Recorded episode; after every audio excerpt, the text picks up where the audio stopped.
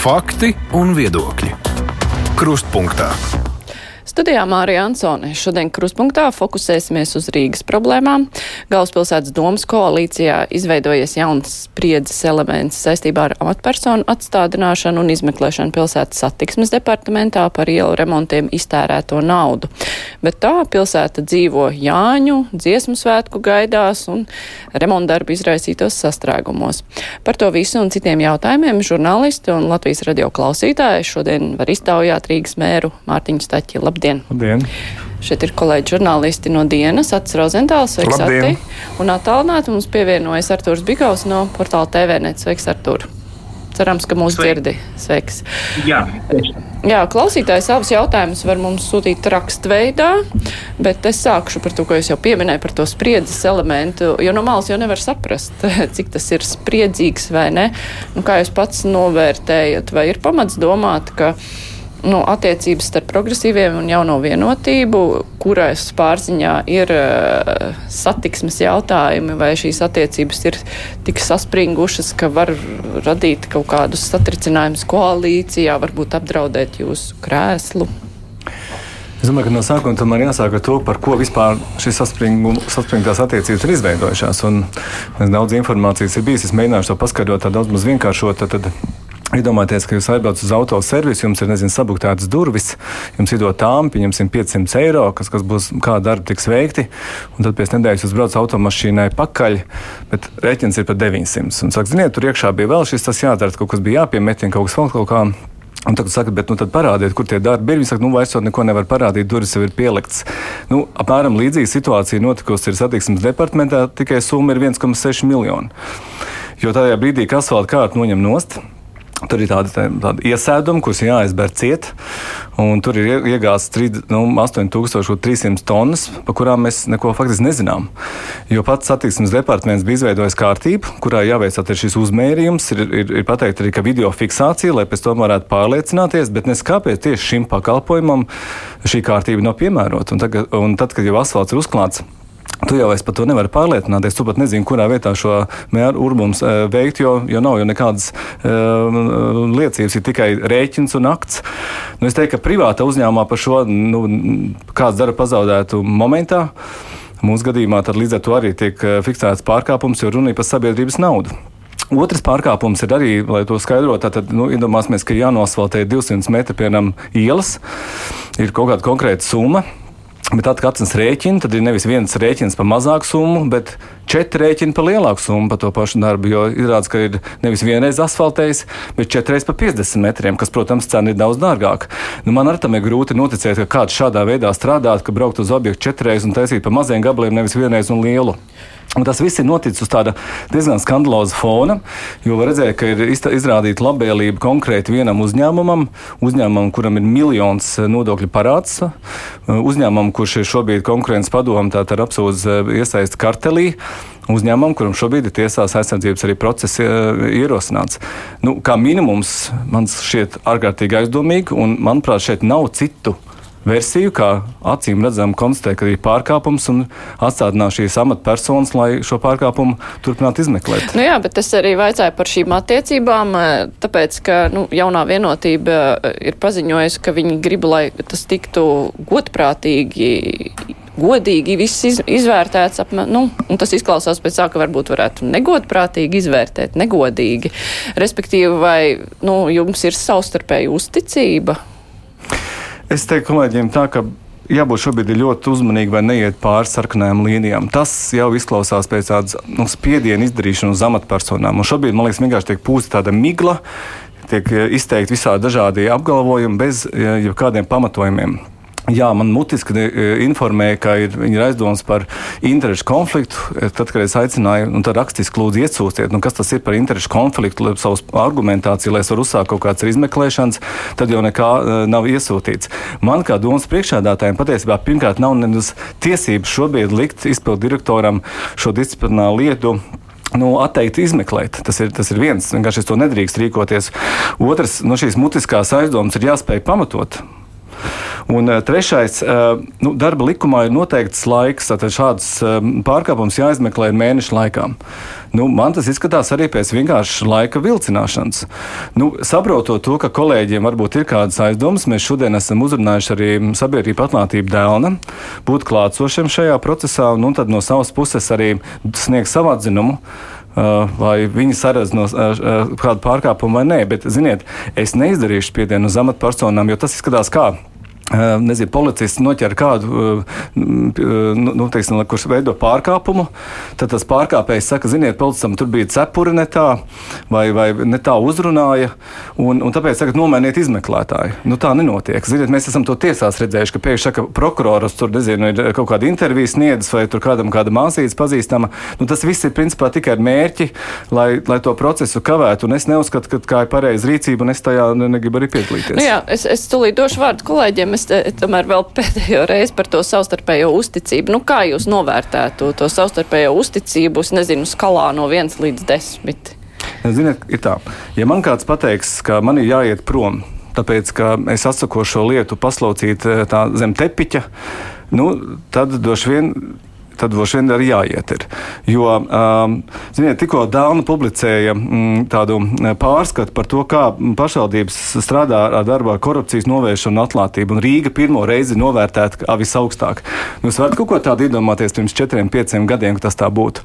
Bet tas bija panākts tieši tāpēc, ka mēs esam solījuši, ka mēs uz šiem gadījumiem rīkosimies. Vienalga, vai tas ir cilvēks, kas ir pieņemts darbā mūsu laikā vai laikā, kad varbūt doma vadīja piemēram Nils Ušakovs. Nav nekāda atšķirība.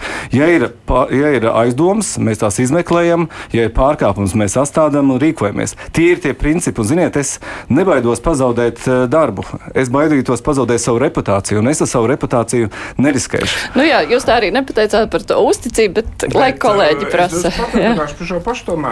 Eh, tātad, vai jums ir pārliecība, ja jūs sakāt, ka tas uzņēmums tur nebija tur viss kārtībā? Kārtībā, ka tam nav politiska sakara ar jauno vienotību, kā ar uh, departamenta kūrētāju.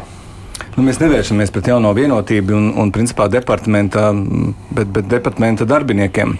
Skaidrs, ka šī uh, departaments ir jaunās vienotības pāraudzībā, viņiem ir cits viedoklis šajā jautājumā.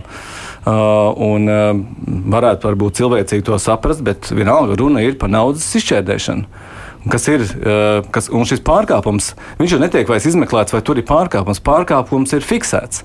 Šobrīd ir runa tikai par pašu atstādināšanu un tātad eh, padziļināt, izpētīt eh, un savākt arī visus pierādījumus, lai iespējams pēc tam arī vērstos tiesības sargājušās iestādes. Bet jūs viņu atklājāt tāpēc, ka jums bija trauksmes cēlā ziņojums, nevis tāpēc, ka kāda domas institūcija būtu veikusi plānotu pārbaudi. Ziniet, bet tam nav īpaši nozīme. Ja, piemēram, jūs kā žurnālists būtu to pašu atklājuši, rīkotos tieši tāpat, ja būtu atklāta vēstule atnākusi, es būtu rīkojies tieši tāpat, jo nemaz savādāk rīkoties nedrīkst. Ja ir informācija par pārkāpumu, tad tu redzi, ka tur ir pamatot tad tu uzdod uh, rīkoties, uh, un ar izpilddirektoriem jau nav cita varianti, kā šajā gadījumā izmeklēt un rīkoties. Un arī tie, kuri konstatē pārkāpumu, arī viņiem jau nav tādas atkāpšanās ceļa, viņiem jāiet tālāk. Ja viņi pateikuši jā, tad viņi iet arī uz B. Es vienkārši lūdzu kolēģus to saprast. Un šeit netraucēt vienkārši. Um, šo visu izmeklēt, jo tas patiešām sāk izskatīties nu, drīzāk par amatpersonas ietekmēšanu. Klausītāji vaicā, kādēļ jūs objektīvi izmeklēšanu satiksmes departamentā saucat par politisku spiedienu vai baidāties, ka skaļajiem paziņojumiem nav seguma un viss var izrādīties čiks? Un ko jūs darīsiet, ja izrādīsies, ka izpildirektora padomnieki ir jūs maldinājuši? Es neesmu noteikti nevienā brīdī šādus vārdus uh, teicis, un es arī neuzskatu, ka tā ir. Es tieši otrādi aicinu nekādu politisku spiedienu uz šo neiz, ne, neizdarīt un ļaut vienkārši izmeklēšanai iet uh, savu gaitu. Nu, pēc mēneša, tas jau būs jau jūlija vidus. Mēs visi varēsim pārliecināties, kurš tad ir kļūdījies, ir vai nav. Bet piedodiet, vai šie 1,6 miljoni, par kuriem mēs šobrīd nevaram būt droši, vai tie ir iztērēti, vai tur ir 8000 tonnas, 5000, 3000. Mēs esam vērsušies tiesību sargājušās iestādēs arī par daudz mazākām summām un par tādiem gadījumiem. Nu, kā var to neizmeklēt? Tā ir sabiedrības nauda. 7 miljoni. Nu, tas ir kopā par, par, par, par visiem šiem, tur veseli trīs bija tādi pārkāpumi, un, un tā ir tāda um, versija, ka, ka šī summa varētu būt lielāka. Es, piemēram, pats personīgi vērtējot vairāk tieši vērtēju šos divus gadījumus, kur vienā gadījumā ir 1,6 miljonu, otrā gadījumā ir 114 tūkstoši, jo nu, es tur redzu ļoti konkrēti pār, uh, pārkāpumu, pie kam par šo nav bijuši nekādi komentāri arī. Kolēģi Arturs arī laikam grib uzdot. Jā, man gan jautājums drīzāk būs nevis par izmeklēšanu saistībā ar to, kas notiek šobrīd satiksmes departamentā, bet gan par satiksmes departamenta darbu uh, attiecību uz to, kas šobrīd notiek uz uh, Egas ceļiem. Iemesls, kādēļ es esmu attālināta, dēļ tā, ka es uh, burtiski nepaspēju, lai gan uh, man bija te jau 40 minūtes, lai atbrauktu uz studiju.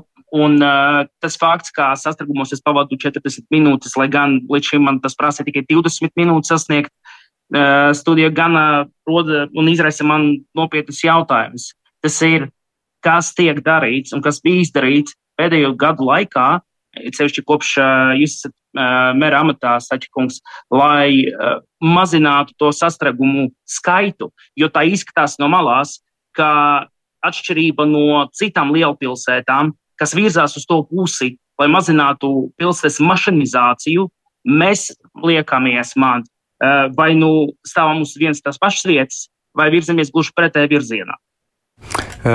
Par satiksmes departamentu Departaments nav palicis bez vadības. Tur ir eh, no, norīkot pienākumu izpildītāji, pieredzējuši kadri un ir uzstādījums gan turpināt iesāktos būvniecības darbus, īpašs akcents uz, uz dziesmu svēkiem, lai šajā laikā viss būtu kārtībā un, protams, arī turpināt lielos institūtos projektus. Un, e, kas tiek darīts?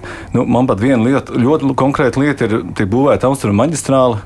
Pirmo reizi nu, pēc cik seniem laikiem vispār jau top jauna maģistrāla tieši ar mērķi dabūt automašīnas prom no pilsētas centra. Nu, piemēram, smagās automašīnas vairs noteikti nevarēs braukt ar prezidentu pili, ja mēs būsim tām uzbūvējuši citu ceļu, kā tikt no, no centra ārā. Nu, tas, protams, īstermiņā rada sastrēgums, es pilnībā piekrītu, bet ilgtermiņā tas tieši atvieglos satiksmi. Otra daļa sastāvdaļa, jau, protams, nav saistīta tikai ar Rīgas domu. Rail Baltica ir strateģiski svarīgs objekts, kurš tiek būvēts tieši šajā laikā. Nu, vēl atlikt viņu uz vēlāku laiku, es saprotu, nevar. Viņu īstenībā pat ātrāk vajadzēja e, pabeigt. Nu, tie nav ar Rīgu saistīti uh, projekti, bet tie, protams, notiek vienlaicīgi.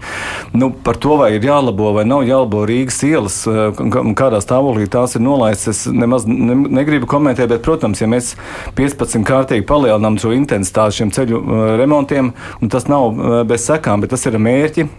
Lai nākotnē šo sastrēgumu būtu mazāk, lai pārvietoties varētu uh, drošāk. Un, un, un skaidrs, ka uh, pilsētā automašīnu skaits tikai viena no austrumu maģistrāls vai, piemēram, tagadēļ jaunā pārvada arī, kas tika uzbūvēts, nu, samazināsies. Bet uh, es tomēr par to satiksmes departamentu gribētu vaicāt un darba organizāciju tur. Uh, Pirms gadiem pieciem būvnieki bija ļoti satraukušies par to, cik ļoti birokratizēta ir vispār kaut kādu projektu saskaņošana Rīgā. Salīdzinot ar citām Baltijas valstu galvaspilsētām, mums bija uz pusi ilgāks laiks, kamēr iziet cauri visām saskaņošanām. Uh, šobrīd ir tā, ka satiksmes departamentā lietas vienkārši iesprūst uz mēnešiem ilgi, ja ir mēneša laikā jāsniedz atbilde tā tiek sniegt, tur cilvēki stāv rindās un gaida divus, trīs, četrus mēnešus, varbūt pat ilgāk. Tad ir jautājums, eh, pirmkārt, kā notiek darba organizācija tur, ja tur nav kapacitātes to visu darīt, un kā jūs kopumā vērtētu virzīšanos uz uh, šo te antibirokratizāciju, jebko izdarīt Rīgas pilsētā, jo par birokratizāciju un formālu pieeju cilvēku sūdzas joprojām. Pirms jau viss šī skandāla jau tika Rīgas domē pieņemts lēmums par šī departamenta reorganizāciju, izveidojot šo ārtelpas mobilitātes departamentu, apvienojot vairākas iestādes kopā un tādā veidā arī uzlabojot šī departamenta efektivitāti. Mēs nekad neesam nu, nolieguši, ka mēs redzam un saredzam, ka tur ir problēmas. Un šobrīd tur tas darbs ir gandrīz apstājies nav ar to apstājies. visu reorganizāciju. Nu, ne, neglūdi, noteikti tā nav. Es, eh, es, eh, man vismaz pirmdienas eh, ziņojumos, kur mums ziņo par mūsu neizsniegtiem mm, vai, vai ne, laikā neskaņotiem projektiem nu, ir, ir, ir, ir, ir vienmēr kaut kādas astes, kas nav izdarītas, bet nu, es nevarētu piekrist, ka tas šobrīd tā masveidā. Bet es gribētu piemēram par būvvaldu parunāt. Uh, man bija pavisam nesen tikšanās ar attīstītājiem, Igaunijas attīstītājiem, kur piemēram saka, pateicoties tam, ka tika ievies zaļais koridors un citi šie ātrāki iespēja saskaņot projektu, viņš uzskata, ka piemēram Rīgā šobrīd var tikt līdz atļauju pat ātrāk nekā e, Tallinā. Ja mēs runājam par vēl par birokrātijas samazināšanu, tad varat pajautāt, piemēram, jebkuram mēdinātājam Rīgā, cik viegli vai grūti šobrīd saskaņot ir procesu, kur vispār ir birokrātiskais lokus noņemts no maksimāli, cik to var izdarīt, un to var izdarīt bez mazai neatējot no kompjutera pāris minūšu laikā. Manuprāt, virziens, kur mēs uzņēmuši esam, ir pareizs un arī rezultāti tāpēc neizpaliek. Šobrīd, piemēram, būvvaldē man nav neizskatītu lietu, kas ir ilgāk par šo mēnesi, bet jāsaka, ka lielākoties sastrēgumi Parasti ir nevis būvvaldē. Būvvaldē vienkārši tas sliktais uzdevums ir pateikt nē, bet tieši pie inženieru komunikāciju turētājiem. Tur nu gan ir patiešām pārāk daudz birokrātijas. Tā ir skaitā arī par šo ceļu segumu atjaunošanu, kur tikai nomainot pāris centimetrus ceļu segumu, tev jādabūna ir atļaujas no visiem 26 vai cik te, eh, komunikāciju turētājiem. Un ministrs kabinets šobrīd ir gatavs eh, šos eh, noteikumus mainīt, kur pietiks tikai ar cerams defektācijas aktu. Mēs varēsim šos darbus darīt ātrāk. Jā, ne tikai doma Bet es teiktu, ka arī likumdošanā mēs esam stipri pārbirokratizēti. Es piekrītu. Ja mēs aizējām atpakaļ uz tādu pašreizējās koalīcijas darbu, tādu vispārīgāku skatījumu, vēl šī gada pavasarī mēs, es, es personīgi savām ausīm dzirdēju no viena jūsu kolēģa mm, joprojām tādas atskaņas par to, ka pie viss vainīgs Ušakovs. Vai jūs varat šobrīd pateikt, nu, teiksim, nosaukt kaut kādus trīs darbus, kas ir tieši jūsu koalīcijas laikā sākti? Un arī pabeigti, vai, vai tuvu pabeigt, ar ko jūs varat lepoties, un kas nav. Jo tagad, piemēram, kad jūs atvēra, kad atvēra uh, sarkandaugos pārvadu, tad arī Ušakovs pirmais, ko izdarīja, ierakstīja, ka tas ir viņa laika projekts, un īstenībā tas ir Birka laika projekts. Jā. Bet, uh, bet, bet, principā, jūs varat pateikt, ka ir kaut kādas lietas, ko tiešām jūs esat no sākta gala līdz beigām vai līdz pusē izdarījuši, ka tas ir absolūti jūsu labais darbs, ar ko tieši jūs varat lepoties. Un ne pozitīvā, ne negatīvā nozīmē vairs uz Ušakovu laiku atpakaļ neskatīties skatīties. Jā, nu es droši vien tad arī sāktu ar, ar infrastruktūru, jo uh, projekts var būt vienalga, kā, uh, kā, kā veidots uh, jautājums, kurš to spēj īstenot. Ušakovs kungs 11 pusgados nespēja īstenot, mēs viņu īstenojam un uzbūvējam. Tas pats ir arī Austrumu maģistrāli. Jā, šī nav jauna ideja, bet mēs viņu esam īstenojuši. Jauns pārvads, kas ir. Jā, sakandāks jaunais pavads, tad plus vispārējās um, infrastruktūras um, remonti, kas vienkārši netika, viņiem pat ķert, nu, netika pat nekāda darba uzsākta, šie darbi ir uzsākti. Tas ir viens. Otrs, es noteikti izceltu to, ka mēs esam strādājuši ar tieši šo pilsētas labiekārtošanas jautājumu. Nu, piemēram, zaļā zonas, kas ir parki, netika labiekārtot gadiem. Nu, atceramies, kāds bija esplanāts, piemēram, parks tur uzvarēja kaku nolaustējot šobrīd gan Esplanādes parks tiks sakārtots, gan tagad mēs ceļamies, eh, ķeramies klāt Ebelmužai un eh, Nordeķu parkam, nu un arī uzvaras parks, pēc tam, ka pie okupācijas piemērs tiek demontēts, šobrīd eh, tiek savests kārtībā. Cilvēkiem ļoti patīk arī, protams, nu, sīkas, bet svarīgas lietas, kas vienkārši maina attieksmi pret, pret, un kā piemēram tie paši ūdens brīvkrāni, kas ir pilsētā salikti, vai piemēram, kā jau mans minētā šī birokrātijas mazināšana, terašu saskaņošanā, zaļo koridoru ieviešana. Tāpat, ja mēs paskatāmies uz bērnu dārza rindas mazināšanu, šo, mums, kad mēs sākām, bija 2200 bērnu rindā, šobrīd apmēram ir 800. Par eh, pašvaldības finansējumu, finanšu sistēmu, sistēmu šobrīd bija daudz labāk. Mēs apmēram esam 500 miljonu piesaistījuši šīs papildu investīcijas. Klāt mēs esam arī atjaunojuši investoru uzticību. Mums ir pirmais arī lielais investors, no, kas ir šī te, mm, uh, Roša kompānija. Mums ir vēl 15 tādas, kurā mēs šobrīd izvēlamies tādu vai nu Rīgu, vai tā būs kāda cita uh, uh, organizācija. Nu, un, es domāju, ka pilsētnieki ir pamanījuši, ka pilsētas ielas ir kļuvušas daudz zaļākas. Zaļie parkleti, dažādi veidi nu, augi un, un koki, kas tiek izvietoti uz, uz ielām, tieši lai parādītu, ka pilsēta nav betona džungļi, kuros neviens negrib dzīvot. Klausītājs raksta, ka savukārt jau pieminēto remontu darbu laikā Rīgā netiek nodrošināta gājēja drošība, tas pats ir ar koku aizsardzību. Nu, tam visam nu, tik formāli pieiet.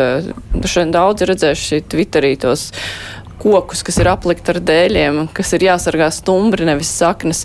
Bet eh, nu, tā pieeja. Es, te, es vienkārši papildinu kā, eh, klausītāju Kārļa jautājumu. Uh, progresīvie savā laikā tieši uzsver lika uz to, ka tiks domāts par gājējiem, velospēdistiem, par dabu.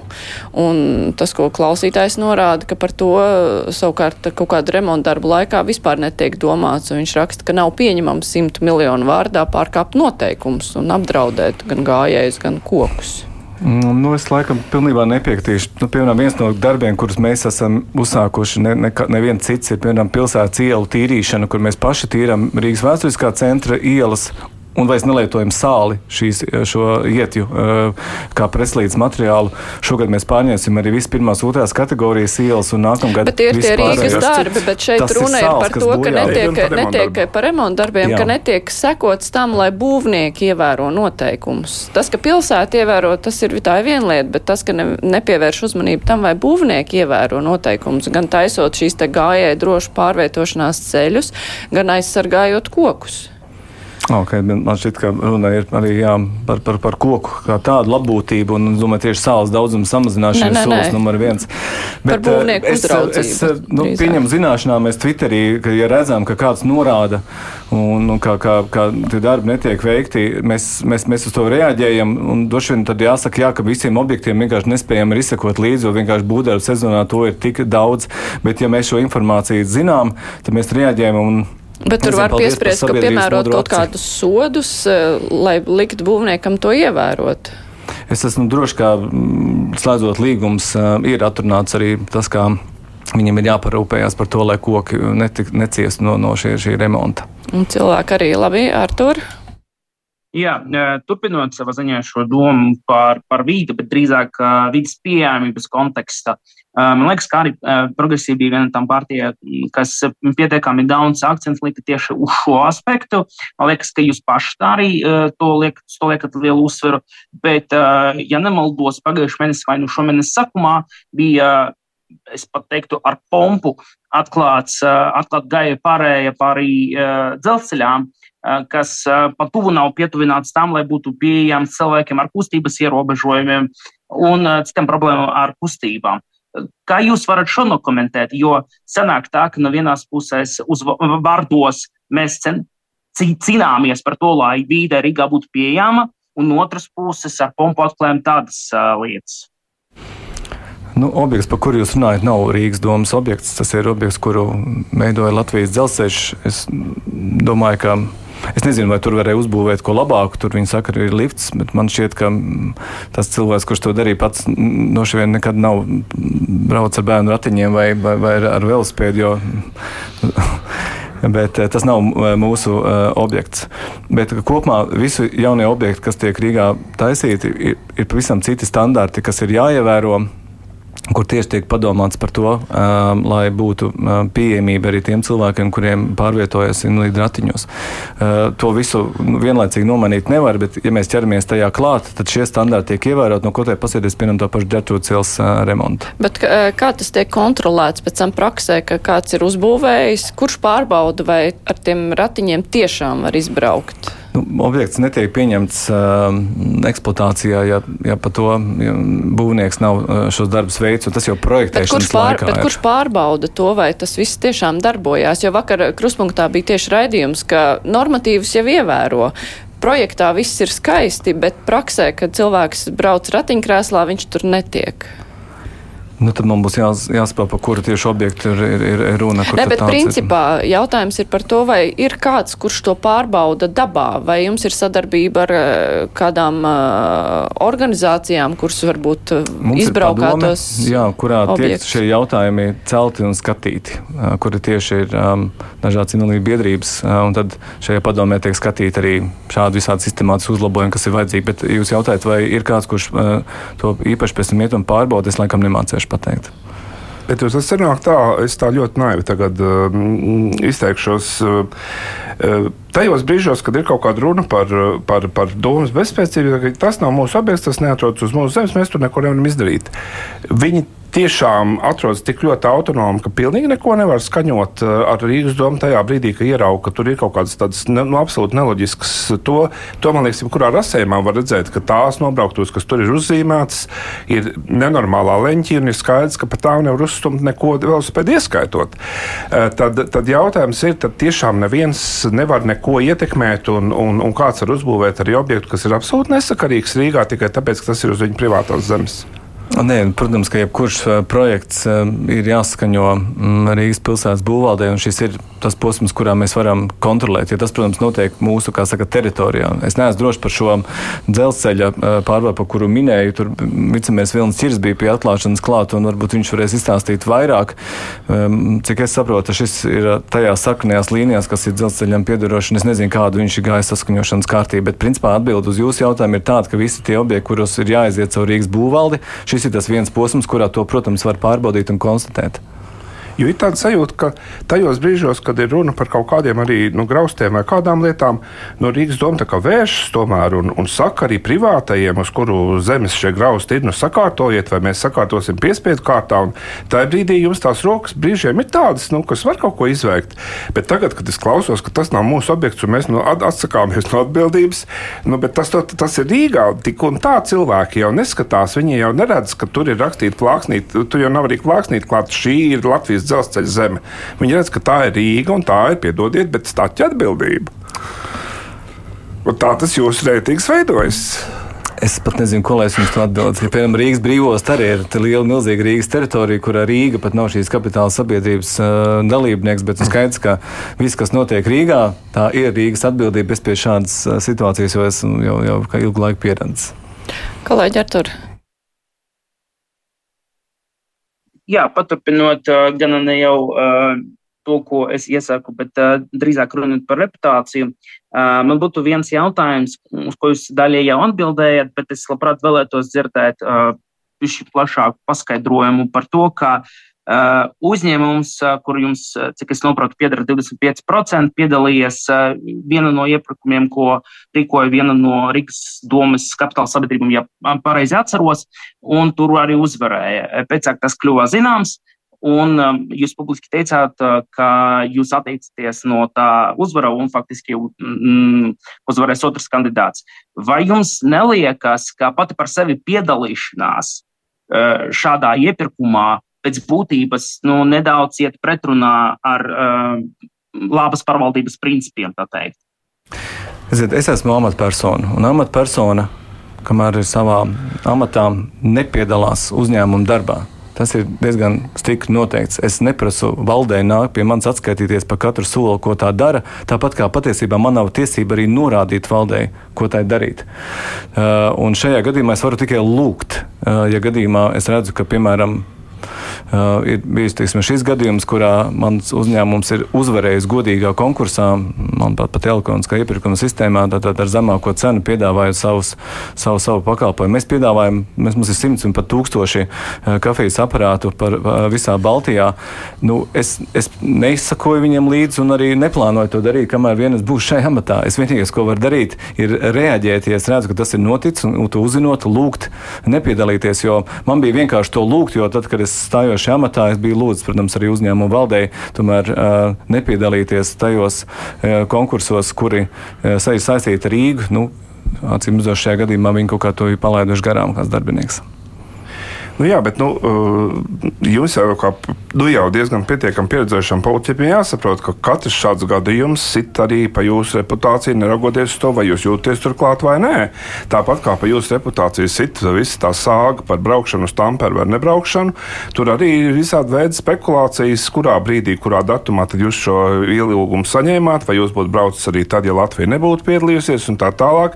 Bet nu, šāda veida it kā nu, nelielie gadījumi, viņi to Jūsu tēls šobrīd ir situācijā, kad pašā koalīcijā iekšēji valda nesaskaņas, nu, viņi jums nenodara nekādu īpašu labumu. Tāpat kā PR gājiens, ko jūs, teiksim, veiksmīgi izdarījāt ar, ar LGBT karogu. Eh, no vienas puses, vienai jūsu autorijas daļai tas nāca par labu, bet tajā pašā laikā koalīcijas iekšēnē tas skaņots nebija.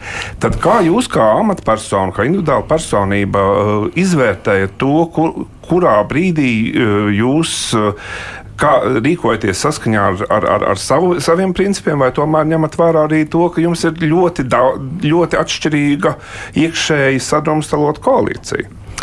Jā, nu, es tur sadzirdēju vismaz trīs vai četrus jautājumus. Es mēģināšu par katru no tiem atbildēt. Nu, ja manu reputāciju uh, grauj tas, ka uh, kāds mans uzņēmums ir uzvarējis gudrībā konkursā un pats pēc tam arī atzīst un, un atteicies no šī, tad ziniet labāk, lai tas grauj manu reputāciju nekā 40 krimināla procesa, kas bija iepriekšējā uh, mēra laikā. Jo tas tomēr ir šeit nekāda pārkāpuma nav. Ne? Tad par uh, braucienu uz Tamperi. Kāpēc vispār šāds brauciens ir? Tāpēc, ka divas pilsētas sadarbojoties veidoja pasaules čempion, čem, uh, hokeja čempionātu un izdarīt to ļoti veiksmīgi. Mums izdevās, uh, manuprāt, lieliski hokeja svētki, un es teiktu, ka pat, mums pat izdevās labāk nekā varbūt Tamperē, jo Mēs arī norganizējām vienas nakts laikā kolosālu uh, hokeja sagaidīšanu pie brīvības pieminekļa. Uh, to var veidot sadarbojoties. Mūsu pirmais brauciens uh, Tamperē, kas, protams, bija tāds organizatoriska rakstura, bija jau ziemā, saprotot, ko jūs darīsiet, ko mēs no tā varam pārņemt, lai mums arī uh, čempionāts būtu pēc iespējas veiksmīgāks. Otrs mans brauciens, protams, jau vairāk bija reprezentatīvs. Bet tas ir ierakstīts pašvaldību likumā, ka domas priekšādātājs ir tas cilvēks, kurš reprezentē savu pilsētu un pēc uh, uzaicinājuma tātad attiecīgi dodas un izvērtē šo, šo braucienu. Nu, ziniet, manuprāt, šis jau ir aizgājis līdz tādam absurdam.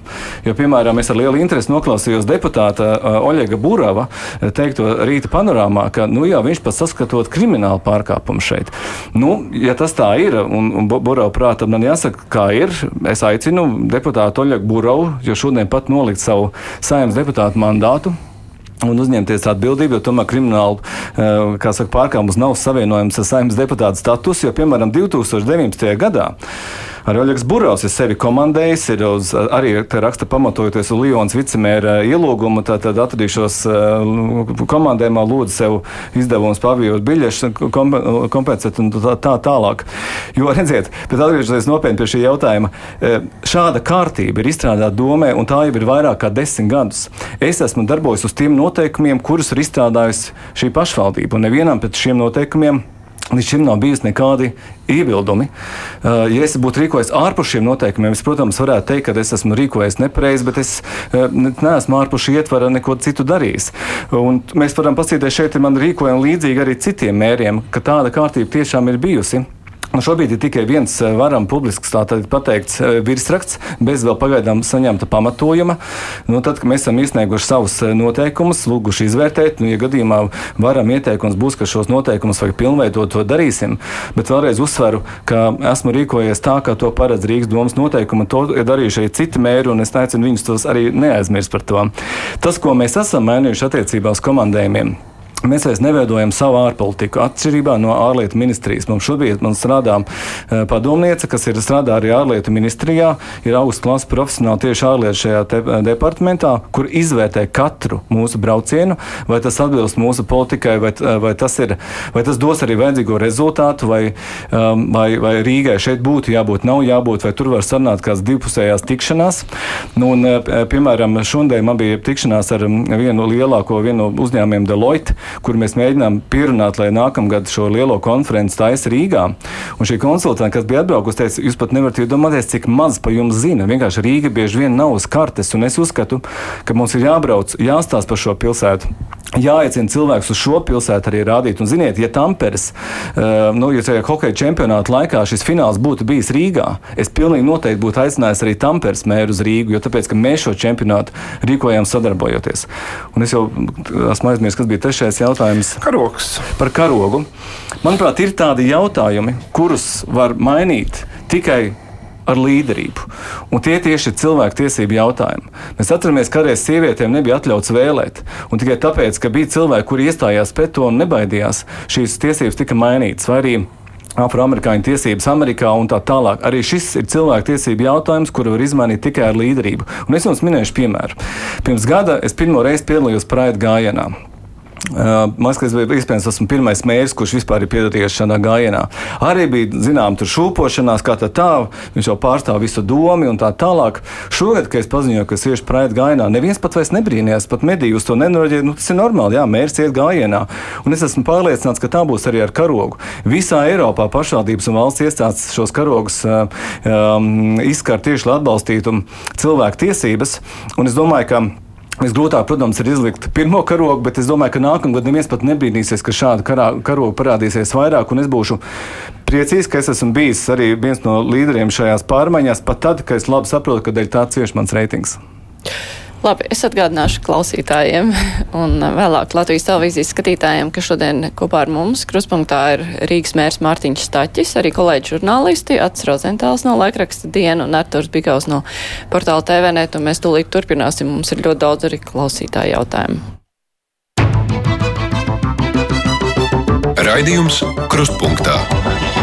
Taisnība labad jāsaka, nav tikai kritiskie jautājumi, ir arī pateicības par uh, apkaimju iedzīvināšanu, par uh, to, ka centrs, tur, kur nav remontdarbu, ir kļuvis ļoti patīkams par mazajām oāzēm un tam līdzīgi, un soliņiem, kas ir salikti, bet ir jautājums, kad jūs ieviesīsiet kārtību dzīvojamos kvartālos, domāts tās apkaimes droši vien, kur ir daudz dzīvokļu mājas, zāli noskoja, kokus izzāģē, krūmus apgriež tā, ka tie neattaug. Ko var runāt par betoniem? Šeit droši vien ir jautājums, kas attiecas drīzāk uz Rīgas nama pārvaldnieku, protams, bet eh, nu, jāatzīst, ka tie aicinājumi no Rīgas domas eh, amatpersonu puses uh, nepļaut zāli šajā laikā un vispārējo, nu tie izskan, bet tas tāpat notiek.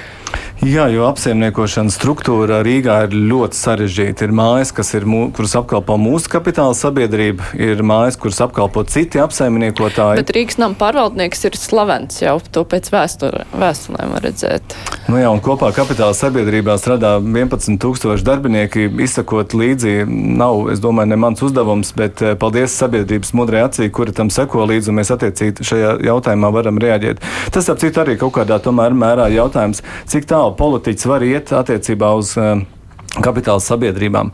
Manuprāt, tas, ka mums ir izdevies izrauties no šī korupcijas loka, ir tieši tāpēc, ka mēs esam bijuši ļoti stingri savā nostājā, ka politiķiem nav jājaucās kapitāla sabiedrību darbām.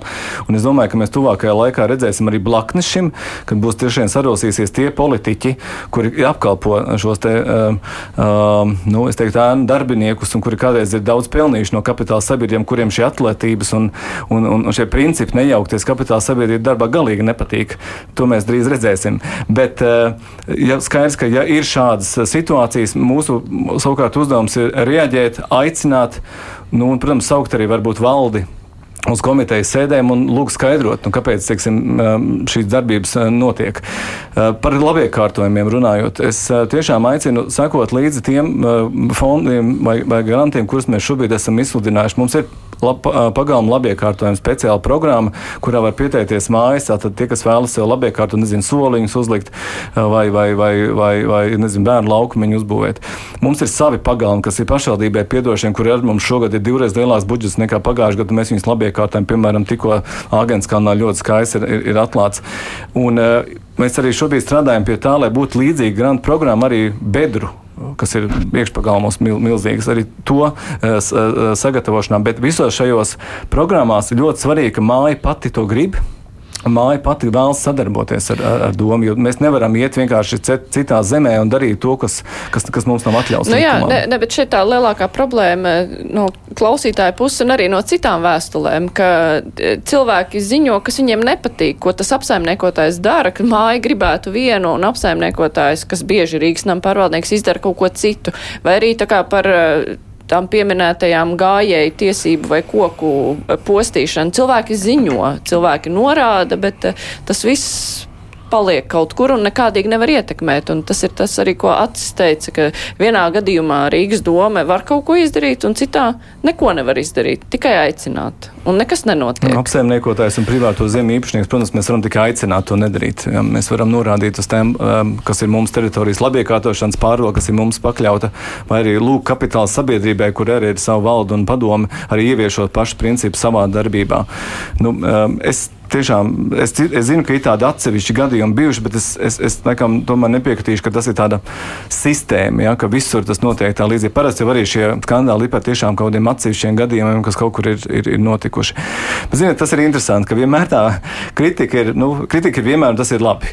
Kritika ir par to, ka kaut kur ir pa garu zāli, kritika ir par to, ka kaut kur ir pa, pa īsu ir, šī zāle ir, ir, ir, vai vispār tiek pļaut. Un, uzbūvēt sistēmu, nu, neaprakstot šos gadījumus, apmēram mēs sagaidām, ka nezinu, jūnijā ir nopļauta zāle, nezinu, tad karstā laikā zāli nepļaujiet nekur. Nu, nu, tur visur ir, bet tur nu, jā, nevar. Ne, uzrakstīt nevar, bet uh, var ieslēgt vai iedibināt uh, kaut kādas tādas darba tradīcijas, ka cilvēki pieslēdz arī savu galvu mazliet, nevis mehāniski izpild rīkojumu, kas arī uh, kaut kādās Rīgas domas struktūrās ir dažkārt manāms, uh, ka tiek izpildīts rīkojums pēc burta, nevis pēc tā, ka, nu, kam tas ir vajadzīgs, ka tas ir cilvēkiem domāts. Vai šīs tradīcijas ir iespējams mainīt?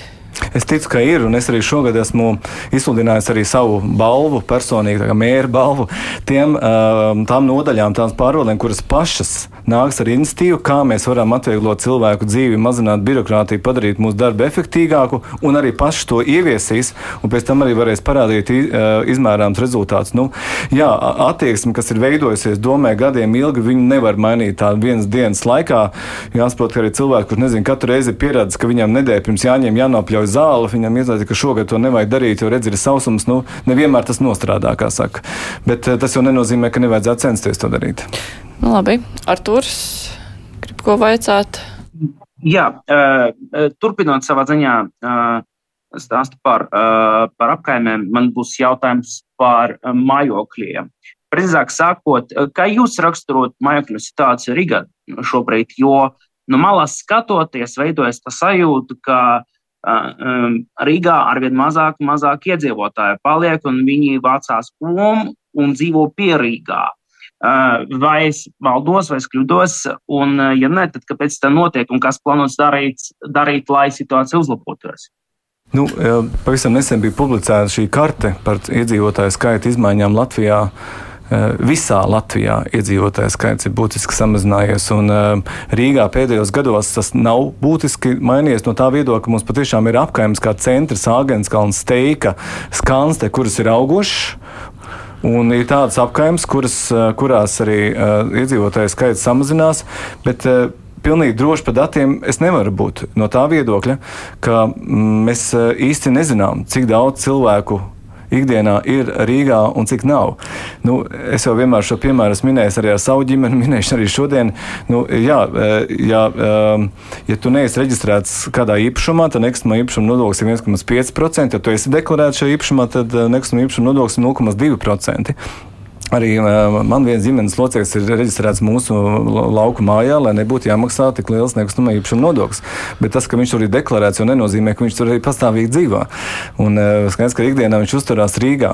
Tāpēc, nu, ziniet, es esmu pētījis daudz šo jautājumu. Un, piemēram, esmu pētījis Helsinku pieredzi. Helsinkos arī bija šī situācija, ka iedzīvotāju skaits vienā brīdī samazinājās un daudzi aizbrauc uz, uz piepilsētu dzīvot. Un, tā, es teicu, ko jūs darījāt, kā jūs to izmainījāt, un teicu, mēs nedarījām neko. Jo vienā vienā brīdī tas sapnis, ka, tev, ka tu vari uzlabot savu dzīves kvalitāti, uzbūvēt māju, tev ir mauriņš, tev ir tava puķu doba ir tik stiprs, ka tu neko tam nevari izdarīt. Un cilvēki vienkārši to grib. Viņi visu mūžu varbūt dzīvojuši mazā dzīvoklītī. Bet tas, kas notika Somijā, vienkārši viena jauna paudze atbrauc atpakaļ uz Rīgu. Savukārt viņi negribēja dzīvot tādā klusā, mierīgā vidē. Viņi gribēja tieši tādā dzīvā, vibrējošā pilsētā, kāda, ko, ko, kāda ir arī Rīga. Ir. Eh, tāpēc es, eh, nu, es, ne, es, es, es nedomāju, ka mums šobrīd vajadzētu eh, nezinu, kaut kādas straujas darbības teikt, ka, ka, ka iedzīvotāju skaitu atgriezt. Jo, piemēram, mēs esam pētījis arī šo viļņu, kāpēc viņai pa 1% ir pieaudzis. Nu, tas ir uz imigrācijas rēķina. Tas ir Ukrāņi un Baltkrievi, kas ir pārcēlušies dzīvot uz, eh, uz, uz Viļņu. Tas apmēram viņa gadījumā tas ir 50, 60 tūkstoši. Tas ir īstenībā diezgan liels eh, skaitlis. Arī viņu gadījumā daudz cilvēku, tomēr, ir, eh, kas ir vietējie, ir izvēlējušies doties ārā no pilsētas. Pa pašu mājokli Es domāju, ka tas būs noteikti lielākais jautājums nākamajos gados, kas būs jārisina. Jo skaidrs, ka interese par mājokļu sakārtošanu patiesībā ir liela. Mums uz mūsu vienas pieturas aģentūra, pie Rīgas enerģētikas aģentūras, kas ir izveidota, ikdienā atnāk 30 mājas katru mēnesi, kas saka, mēs, mēs gribam šo māju uh, uzlabot energoefektivitāti, sakot, ko mēs varam, ko, mēs varam uh, izdarīt šajos jautājumos. Nu, tur, kur bieži atdurās, kāpēc neiet tālāk, ir pirmkārt augstais eribors. Ja vienkārši šobrīd saprot, ka aizņemties un, un, teiksim, dabūt pozitīvu bilanci pēc tā, ka tev samazināsies izmaksas, vienkārši viņi neredz, kā to izdarīt. Ļoti augstām būvniecības cenām, kas ir objektīvi kāpuši šo gadu laikā, bet interesi sakārtot īpašums ir. Galvenais, kas ir jāizdara, lai īpašumu sakārtot, ir jānoviedo, jāizveido šo mājas biedrību. Tā ir tā kļūda, ko Latvija pieļāva. Igaunijā nevarēja privatizēt dzīvokli, ja tu nebija mājas biedrībā. Latvijā varēja, un mēs redzam, kur tas ir novedis. Bet uh, arī runājot par uh, cilvēku aizbraukšanu uz uh, pierīgu. Uh, ļoti, nu, Rīgas apkaimes, kas ir nomalēs, ļoti izjūt to, jo šie pierīgas iedzīvotāji katru dienu brauc uz Rīgu atpakaļ uz darbu. Un vai Rīga ir nopietni domājusi par kaut kādu kontroli lielāku, lai ieviestu kārtību uz ceļiem jo šie pierīgas braucēji bieži vien izmanto apkaimes kā izbraucamos ceļus, neievēro satiksmes noteikumus, jo tā automašīna plūsma ir tik liela, ka, protams, ka gribas eh, pa vismazākajām ieliņām iznesties cauri iespējām ātri un kontrols tur nav nekādas. Uh, Vai ir domāts, eh, es nezinu, ne ieviest domāts, radarus. Eh, vairāk eh, guļošos policistus un vispārējo, jo, jo, piemēram, Mārupas pusē, ko es vairāk esmu redzējis, nu tur tā situācija brīžiem ir vienkārši briesmīga. Tur ir bail cilvēkiem jau bērnus laist pa ielu braukt ar riteni. Jā, nu ir darīts, un arī par to mēs esam saņēmuši diezgan daudz kritikas. Tur ir sūtīts mums fotogrāfijas pa ielām, kuras tātās, kur izvietot ir vai nu stabiņi vai citu objektu, kas neļauj šai mašīnai pilnā ātrumā izskriet cauri. Jūs zināt, ko cilvēki par šo domā. Ehm, Tā pašā laikā skaidrs, ka mēs ehm, cenšamies tomēr arī apkaimēs uzlabot infrastruktūru. Es domāju, tas ir svarīgi, jo tāpēc, ka daudz ielas Rīgā joprojām ir ar grāmatu segumiem, un vienu šogad 76 ielās grāmatu segumi tiks mainīti par šiem cietā uh, segumiem. Labāk bet par, to, nevajag. bet par, uh, par, par uh, ātrumu ierobežojumiem šobrīd uh, mēs esam panākuši tik tālu, ka drīz jau, vai, vai, vai pat iespējams otrajā lasījumā jau ir panākts tas, ka Rīga drīkstēs pati kontrolēt ātrumu. Mums tas ir ļoti svarīgi, jo tāpēc, ka tu vari likt zīmes, cik gribi šīs zīmes neievēro, tad vienīgais, kas to drīkst kontrolēt, ir valsts policija vai, vai, vai ceļu policija. Mēs cīnāmies par to, lai mums atļautu arī šīs tiesības dot, un izskatās, ka mēs esam tuvu tam, lai tas tā arī notiktu. Cik Tajos tuvu? gadījumos, Kudzu? Cik tuvu? Nu, ja otrajā lasījumā tas ir pieņemts, tad palicis viens Nē, es domāju, tikai. tad laika ziņā tas varētu kā sākties. Jā, mēs esam jau, piemēram, izsludinājuši konkursu par šīm kamerām, kas ir, um, kas kontrolē sarkano gaismu, tātad, lai nebrauc pāri un arī, lai nebrauc par um, sabiedriskām transporta joslām. Tās jau mēs uzstādīsim šogad, līdz ko drīkstēsim arī ātrumu kontrolēt, tā liksim arī ātrumu. Um, bet es piekrītu, ka arī daudzreiz, jo tas smaidiņi vai, vai bēdīgās sēs, ka tu pārkāp ātrumu strādā. Nu, piemēram, Baronielā tāds ir nu, uzstādīts, un nu, man tā individuāli šķiet, ka cilvēks samazina tomēr ātrumu arī to redzot. Es, godīgi sakot, esmu liels, kā teikt, satiksmes mierināšanas entuziasts šajos jautājumos un labprāt uzņemu, nu, nelabprāt, bet arī uzņemu kritiku, kur cilvēki par to sūdzās, bet es uzskatu, ka nav citu versiju, kā to satiksmi vienkārši padarīt lēnāku. Vai tas ir guļošais policists, vai tas ir stabiņi, vai tas ir nezinu, citi elementi, tas ir tāds jau tehnikas jautājums, bet tas noteikti ir jādara. Vēl viens tāds jautājums, kas arī man liekas, ir gadu gadiem sabiedriskā toaleša jautājums. Tagad ir parādījusies ziņa, ka atgriezīsies pie maksas toaletēm, bet savā laikā no tā atteicās tieši tāpēc, ka lauzu šos vaļā un monētas ņēma laukā. Ir kaut kādi risinājumi iespējami tehniski ar, ar, ar kartēm, kas citu, visur citur Eiropā strādā vai tam līdzīgi. Nu, kā, kā mēs varam šīs sabiedriskās toaletes Rīgā sakārtot? Tāpēc, ka nu, es tās dažas reizes, kad es esmu izmēģinājis, kā tas, kā tas strādā, tur iekšā iekšā iet patiesībā ļoti nepatīkami. Viņas Piekrīt. nav tīras, viņas ir ļoti nepatīkamas, smidīgas un tā tālāk. Jā. Kā to var izdarīt? Karte, jā, tas ir tas risinājums, kā mēs to redzam. Jo šai kartē ir vēl viena funkcija. Viņa ne tikai tā tad nevar tur nozagt un atlaut, bet arī es esmu spiests sevi autorizēt. Un, ja mēs, piemēram, redzam, ka šī tolēta ir izdomāta, un mēs redzam, piemēram, kurā apmēram brīdī tas ir pēc kamerām, mēs arī pat varēsim pateikt, kurš to ir izdarījis. Jo tā ir šobrīd galvenā problēma, šī milzīgā demolēšana, kas notiek sabiedriskajās toletēs. Protams, kādas toletes paliks vaļā, jo mēs saprotam arī, ka mums ir cilvēki, kuriem nu, jāno, savas dabiskās vajadzības jānokārto, un viņiem ir naudas nav. Bet bet uh, kopumā vismaz tie cilvēki. Jā, un šis iepirkums jau ir izsludināts. Uh, es domāju, ka mēs šogad jau būsim uzstādījuši to. Tas būs simboliska summa, nu, nosacīt simboliska, bet jā, tāda, ko katrs var atļauties. Bet pats svarīgākais ir, lai mēs vienkārši samazinām šo, šo dedzināšanu, tolešu izlietņu, nu, sasišanu un citas visas šīs, šīs briesmīgās lietas, ko dara šie vandāļi. Bez kredītkartes viņi turpmāk to nevarēs darīt. Kolēģi Artur? Jā, savā ziņā paturpinot iesākto tēmu, es domāju, ka ir vērts pievērst uzmanību arī tam, kas notiek um, stācijas laukumā. Attiecīgi, ja cilvēks atbrauc uz Rīgu ar vilcienu un izēj no, no, no stācijas, un pirmais, ko viņš faktiski redz, tas ir um, nu, ne visa pat kā maina, maigi izsakoties ar vienu laimetālu pat priekšā. Nu, es nedomāju, ka viņam veidojas pozitīvs iespējas. Attiecīgi, mans jautājums būtu, vai kaut kas ir plānots darīt, lai tur uzlabotu gaisotni. Jo uz doto brīdi manā acīs tā nav tā pievilcīgāka. Daudzas citas pilsētas stācijas eh, pasaulē, kuras vienmēr tā teikt, burtiski pievelk sev visus šādus nu, eh, sabiedrības elementus. Un, un skaidrs, ka pašvaldības policija tur ir vienkārši nepārtraukti. Bieži vien jau ir tā, nu, tu, tu šo elementu aizved uz turpat netālo atskurptuvi, nu, viņš jau atžirkst un nākamajā dienā jau atkal ir tur ap, apakaļ. Es esmu Mums ir kārtības un drošības eh, vicemēri, un, un es esmu lūdzis viņu šobrīd divus jautājumus galvenos risināt. Pats patiesībā ir tieši šis bezpajumtnieku un, un, un, un, un alkoholiķu drūzmēšanās centrā. Es, es ticu, ka tur var atrast daudz, daudz atjautīgus risinājumus, kā to jautājumu strādāt, un arī, protams, šo elektroskūteru jautājumu, kur mēs arī, ap citu, pavisam drīz varēsim arī paši regulēt Rīgā, un beidzot arī šis likums ir izkustējies no, no vietas. Un kāda būs Rīgas politika?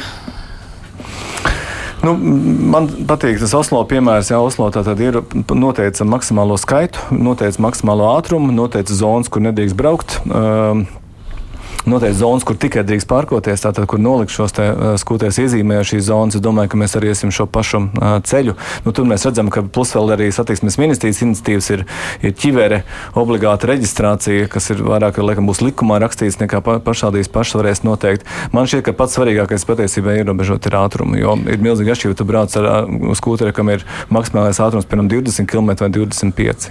Bet, vai ir domāts par to, kā kontrolēt, lai tas viss tiek ievērots, jo tas, ko šie te braucēji parasti neievēro, viņi neievēro, nu, ka uz trotuāra viņiem ir jābrauc gājēji ātrumā, un lēnām jābrauc. Un, nu, likumā tas ir ierakstīts, bet neviens to nedara.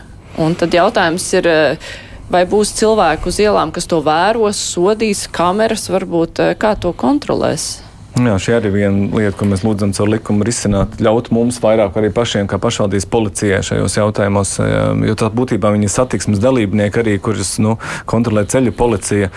Mēs esam gatavi paši vairāk to kontrolēt, bet, ziniet, to arī var atrisināt ar tehniskiem līdzekļiem, piemēram, Diseldorfā, kur dzīvoja mans dēls, ja tu uzbrauc uz ietves, tas uh, skūteris automātiski faktiski, samazināja ātrumu. Viņš atļauj, atrodies tajā zonā, kur iet uh, gājēji. Arī to var izdarīt. Un var prasīt pilsētu, ka vienkārši nokārtojiet to, jūs gribat dabūt licenci Rīgā. Tas arī būtu tas, uz ko pilsēta ies Nu, Tad, kad būs tiesības to darīt. Jā, nu, mēs jau arī tagad jau laicīgi jau brīdinām visus šos firmas, ka, nu, ka strādājiet pie saviem tehnoloģiskiem risinājumiem, jo tāpēc, ka tiem, kuriem būs šie advancētākie tehnoloģiskie risinājumi, tie būs vieglāk šeit strādāt. Labi, skatīsimies un gaidīsim. Es, mums ir ļoti daudz klausītāju jautājumu joprojām, bet visus, protams, nevar uzdot, bet no nu, tādām lielākajām lietām mēs paspējām izskriet cauri. Es teikšu paldies. paldies. Šodien kopā ar mums bija Mārtiņš Staķis, Rīgas mērs, arī kolēģi žurnālisti, Atis Rozentāls no laikraksta diena, Arturs Pikaus no portāla TVNet. Bet kruspunktā ar to šo nedēļu arī izskan raidījuma producenti Revija Junām. Studijā bija Mārija Ansone. Visiem priecīgus Jāņus un tiksimies nākamnedēļ. Visu labu!